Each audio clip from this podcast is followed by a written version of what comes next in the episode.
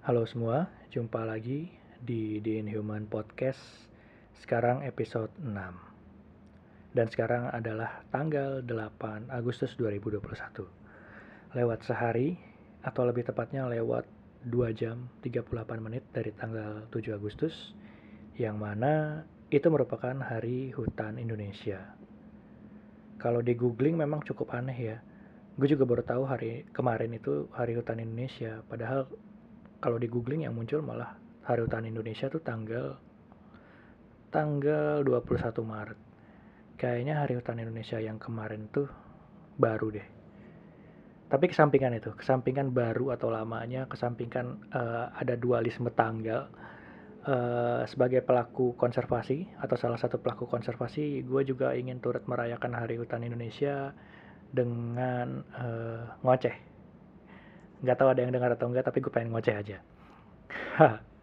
Jadi uh, kalau bicara uh, hutan uh, di Indonesia kita punya undang-undang uh, tentang hutan uh, tentang konservasi dan hutan serta tindak pidana atau uh, hukuman pidana bagi pelanggarnya serta definisi-definisi yang berkaitan tentang hutan itu sendiri yaitu ada di Undang-Undang Nomor 5 Tahun 90 tentang konservasi sumber daya alam hayati dan ekosistemnya.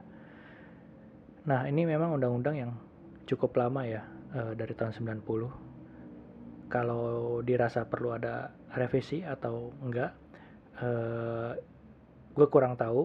Mungkin e, pegiat atau penggiat e, konservasi uh, praktisi konservasi bisa lebih ngerti.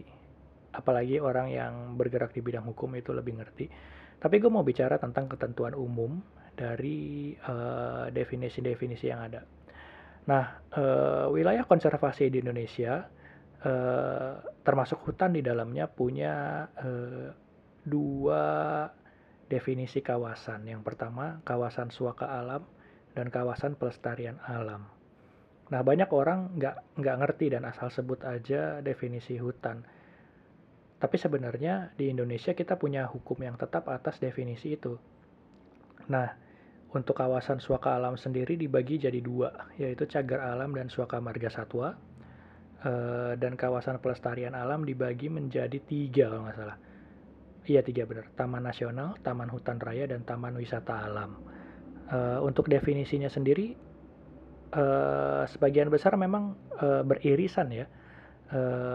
Rata-rata uh, memang uh, kalau kita ambil garis besarnya atau benang merahnya uh, untuk konservasi flora fauna, untuk pendidikan, untuk budidaya dan untuk rekreasi.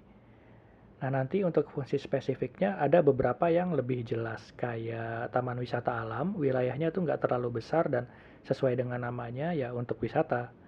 Lalu kemudian taman hutan raya itu boleh berisi tumbuhan-tumbuhan yang bukan asli wilayah itu. Lalu kemudian ada suaka marga satwa yang lebih tepat lebih spesifik untuk perlindungan satwa atau daerah pelarian satwa. Eh, di mana eh, kita sering dengar marga satwa biasanya eh, terkait dengan Ragunan ya kalau di berita. Dan itu benar tapi itu untuk kawasan ex situ yaitu perlindungan di luar habitat alami. Untuk di dalam habitat alaminya sendiri yang sering didengar oleh orang Jakarta adalah e, daerah Suaka Pulau Rambut. E, yang mana e, daerah tersebut menjadi daerah perlindungan untuk burung-burung pantai dan burung laut. Nah, bicara soal Taman Nasional dan Cagar Alam, ini irisannya besar banget loh, benang merahnya besar banget. Sama-sama untuk perlindungan tumbuhan, untuk perlindungan satwa, dan dua-duanya yang khas ya, yang daerah asli uh, di kawasan itu. Jadi nggak boleh ada introduksi. Kalaupun ada, uh, harus dikontrol atau harus diberantas. Supaya nggak ganggu uh, tumbuhan dan satwa aslinya ada juga untuk uh, uh, untuk pendidikan, untuk penunjang budidaya, untuk pariwisata, dan untuk rekreasi.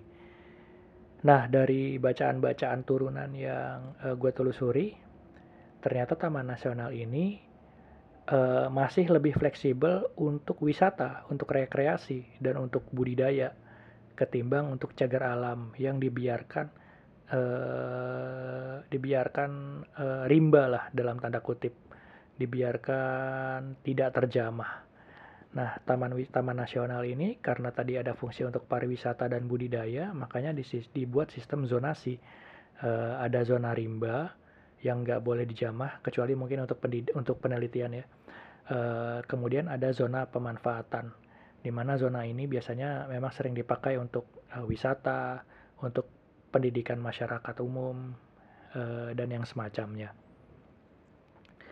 Nah, banyak orang lupa juga eh, wilayah-wilayah konservasi ini nggak cuma untuk perlindungan tumbuhan dan satwa, tapi ada juga turunannya yaitu untuk melindungi air. Nah ini penting nih, e, karena air ini akan merembet ke segala hal. E, bagaimana cara melindungi air? Yaitu dengan menjaga vegetasi tumbuhannya tetap alami. Eh, berarti tetap harus menjaga pohon-pohon, uh, pohon-pohon besar lebih spesifik lagi, dan pohon-pohon besar ini dalam dalam skala komunitas juga akan menyebabkan keberadaan uh, tumbuhan-tumbuhan kecil di sekitarnya menjadi lebih banyak, mulai dari herba, perdu, kemudian epifit, lalu likofit, dan uh, skala macam definisi tumbuhan, uh, definisi cara hidup tumbuhan dan habitusnya uh, yang sering dipelajari di biologi dan eh, fakultas-fakultas uh, terkait tumbuhan. Uh, lebih jauh lagi, tumbuhan yang kaya atau beragam juga menyebabkan hewan-hewan di dalamnya juga semakin beragam, sehingga muncullah uh, definisi yang tadi perlindungan uh, flora dan fauna. Tapi kembali ke perlindungan atau konservasi air, eh, ketiadaan dari flora dan fauna di di daerah konservasi ini bisa menyebabkan eh, terganggunya siklus air juga. Kita tahu air itu punya tiga bentuk, es, cair, dan gas. Eh, mungkin di daerah tropis kurang kali ya air, uh, uh, sorry, uh, di daerah tropis kurang air dalam bentuk es. Kalaupun ada, pasti adanya di dataran tinggi. Contohnya di uh, Puncak Jaya Wijaya dan di Dieng. Kalau misalnya terjadi, uh, misalnya ada di musim panas itu kan beritanya banyak ya sekarang di Dieng uh, hujan es karena di musim panas dan lain-lain. Uh, kesampingkan es, uh, di daerah tropis air itu banyak uh, siklusnya terjadi pada bentuk cair dan gas. Uh, mulai dari hujan yang memang sering terjadi tanpa mengenal iklim tahunan di dataran tinggi. Kita tahu di dataran tinggi ini uh, cuaca perharinya tidak bisa diprediksi. Di musim kemarau bisa aja hujan sepanjang hari dan deras. Apalagi di daerah-daerah yang uh, punya data bahwa di sepanjang tahun hujannya itu lebih dari 3000 mm. Kayak di daerah uh, pegunungan Sumatera, Bukit Barisan ya, terus kemudian di selatan Jawa, kemudian di daerah pegunungan Papua. Nah, itu curah hujan yang tinggi banget adanya di sana. Uh, curah hujan yang tinggi uh, kalau tidak didukung dengan vegetasi yang uh, memadai, air itu tidak bisa diikat. Uh, tidak ada mata air, tidak ada air permukaan, uh, air tanah mengalir deras, dan uh, terjadi erosi yang berlebihan. Sehingga ketika air itu keluar dari kawasan konservasi, air itu kotor, uh, penuh dengan tanah, uh, kemudian terjadi bencana-bencana turunannya kayak rayapan tanah, longsor, banjir, dan semacamnya. Uh, siapa yang paling terdampak? Uh, semua masyarakat. Masyarakat di pedesaan, dataran tinggi terancam dengan rayapan tanah dan longsor. Di dataran rendah, pastinya banjir. Uh, dan bencana-bencana ini kita tahu dan sering dengar di Indonesia sering terjadi ya, nggak cuma di Jakarta, tapi di daerah-daerah lain. Bahkan tahun ini aja, kalau nggak salah Kalimantan itu uh, mengalami kejadian banjir besar ya di Banjarmasin kalau nggak salah. Itu banjir besar parah banget dan menjadi uh, isu hangat nasional. Uh, dari sini, gue mau menyampaikan bahwa uh, hutan uh, ber, bertanggung jawab besar terhadap limpahan air.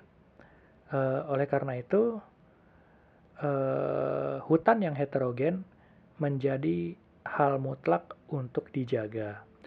Tapi sayangnya memang uh, terjadi konflik ya dengan masyarakat uh, lebih lebih spesifik lagi mungkin daerah masyarakat daerah pedesaan yang membutuhkan lahan untuk pertanian mereka masing-masing di di Indonesia sekarang konfliknya lebih spesifik ke sawit itu sudah menahun lalu beberapa tahun ke belakang juga konfliknya daerah eh, daerah yang menanam kopi. Karena anak-anak senja ini suka banget sama kopi akhirnya kopi lebih banyak uh, ditanam oleh masyarakat uh, dataran tinggi. Karena memang kopi juga uh, lebih suka atau lebih mampu tumbuh di dataran tinggi. Eh, sehingga banyak orang membuka lahan dan melanggar batas-batas wilayah konservasi negara untuk menanam uh, beberapa tumbuhan ini. Untuk beberapa wilayah lain mungkin ada beberapa tumbuhan yang spesifik ya, tapi gue nggak tahu. Tapi isu nasionalnya memang sawit dan kopi untuk sekarang ini. Uh, memang nggak perlu, eh nggak perlu sorry, memang nggak bisa dipungkiri konflik ini memang terjadi menahun ya masalah ini Eh, klaim-klaim uh, lahan adat, klaim-klaim lahan personal, lahan individu, dan uh, klaim-klaim negara atas wilayah konservasinya. Uh, tapi sebenarnya kalau misalnya nggak ada konflik kepentingan di sini, teknologi itu bisa menjadi solusi, di mana pertanian pasti bisa banget uh, di diupayakan uh, produktivitasnya dengan perkembangan teknologi. Sedangkan lahan konservasi nggak bisa. Lahan konservasi adalah mutlak, sehingga wilayahnya kalau semakin sedikit, ya konsekuensinya semakin besar. Kayak tadi longsor, banjir, dan semacamnya. Uh, pada akhirnya, uh, sebagai bentuk kampanye gue terhadap Hari Hutan Indonesia, gue ingin menyampaikan bahwa uh, tolong lindungi wilayah-wilayah hutan dari ancaman pembukaan lahan uh, dan sistem monokultur uh, sehingga uh, selain untuk melindungi flora fauna kita bisa menjaga ketersediaan air bersih di kemudian hari oke kira-kira itu yang bisa gue sampaikan untuk ocehan malam ini uh, selamat mendengarkan episode podcast di Inhuman yang lainnya. Selamat malam untuk gue sendiri. Sampai jumpa. Dadah.